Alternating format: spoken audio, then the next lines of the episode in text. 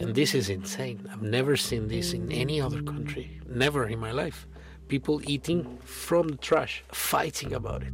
Eh, Når så mange er ensomme, så ligger jo på en måte ikke dette på, på individilegger. Det ligger på systemet. Vi er i ferd med å ødelegge evnen vår permanent kognitivt i hjernen til å konsentrere oss over lengre tid. Radio Novas samfunns- og aktualitetsmagasin gir deg historiene, sakene og debattene andre overser. Aldri redd, alltid balansert. Opplysningen 99,3. I fjor dekket vår journalist Lise Benus den konfliktfylte abortsaken i Texas, og du skal nå få et personlig innblikk i abortsaken og få høre hvorfor Trump blir nevnt i sammenheng med de viktigste kvinnekampsakene i USAs historie.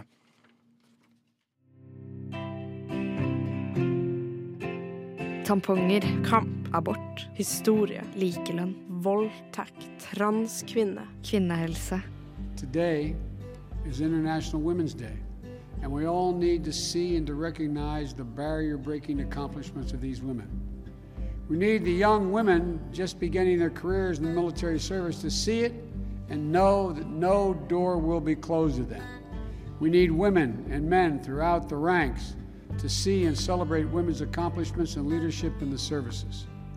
We need little girls and boys, both, who have grown up dreaming of serving for their country to know this is what generals in the United States Armed Forces look like. Der hørte du USAs president Joe Biden tale fra Det hvite hus på kvinnedagen i forrige uke. Men hva tenker vanlige amerikanere om kvinnekampen? My name is Nadine Morgan. Um, I'm from the U.S. I'm from upstate New York. I've been living in Europe for about nine years and uh, in Denmark for over six years. And I currently uh, study here in Denmark, finishing my master's in development and international relations uh, with a focus on uh, Europe. Kvinnedagen har lange tradisjoner i Norge, men hvordan markeres denne dagen i USA?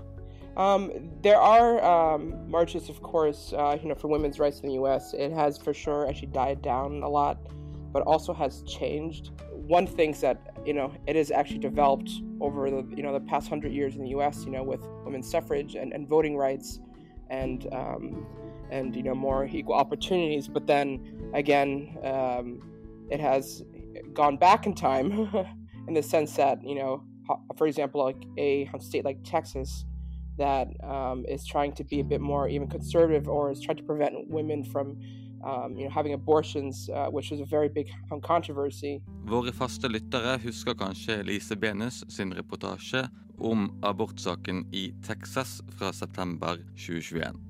It's a very big deal in the U.S. because now you know people who are residing in Texas would have to go to another state and uh, and um, you know uh, get help from another actually gynecologist or from other doctors or you know to get an abortion that is outlawed and uh, that's outlawed in Texas. So it creates this actually disparity between women in different states and also actually different regions. Fra en veldig dyster sak en nyansering av ulike miljøer i USA. You know, for example, that it has worked a bit more for like you know celebrities and more like wealthier people, but how about those who are living, you know, or who are working in smaller, you know, jobs or you know blue collar jobs? Nadine fortsetter å forklare elementer som påvirker vanlige kvinner i USA. There's been a lot of abuse recently uh, towards women, actually physical and also sexual abuse, especially during Corona times, and how much um, representation, also support, goes towards them uh, varies on the different uh, socioeconomic groups.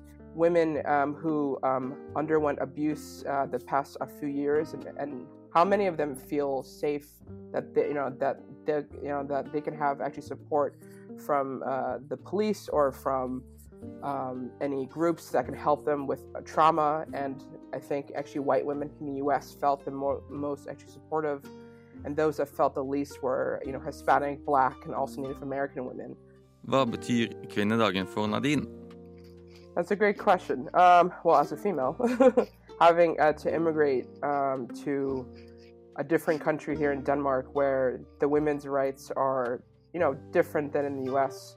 There's a bit more focus and more concentration towards that, and I think more equality and more rights towards that. I have seen uh, more opportunities here in Denmark in terms of you know, actually being a female because of, for example, um, you know, being able to go on maternity leave. Her kommer Nadine med en liten avklaring. In the U.S., you can also be granted that, but it's not as economically supported or as nationally supported. Hvordan er det med lønnsforskjellene og jobbmulighetene i USA? Being paid higher, as in like the, you know, between like the gender gap, uh, the gender wage gap is less here than it is in the U.S. And I think that's fantastic as a female and you feel a bit more uh, actually supported here in the system. Um, and also, there are more rights, you know, towards women in terms of having to find a new job, um, where you know there's certain questions that are not allowed, to, you know, to be asked in interviews because you have your unions here in Denmark to protect you. Vi skal nå få høre litt om den amerikanske polariseringen. And it's, and it's you know it's this mentality in the U.S. Whether it's like with women's rights, whether it's with immigration, whether it's with economic policies and such that you're either for us or you're against us. You know, you know, you're either with us or you're not. So if you're, if you are a conservative that you know doesn't agree with Trump, as we you know have learned recently, you know, uh, the Republicans in that party are those who are in support of uh, of of him. Will find you know those who are not supportive of Trump as almost like traitors. So.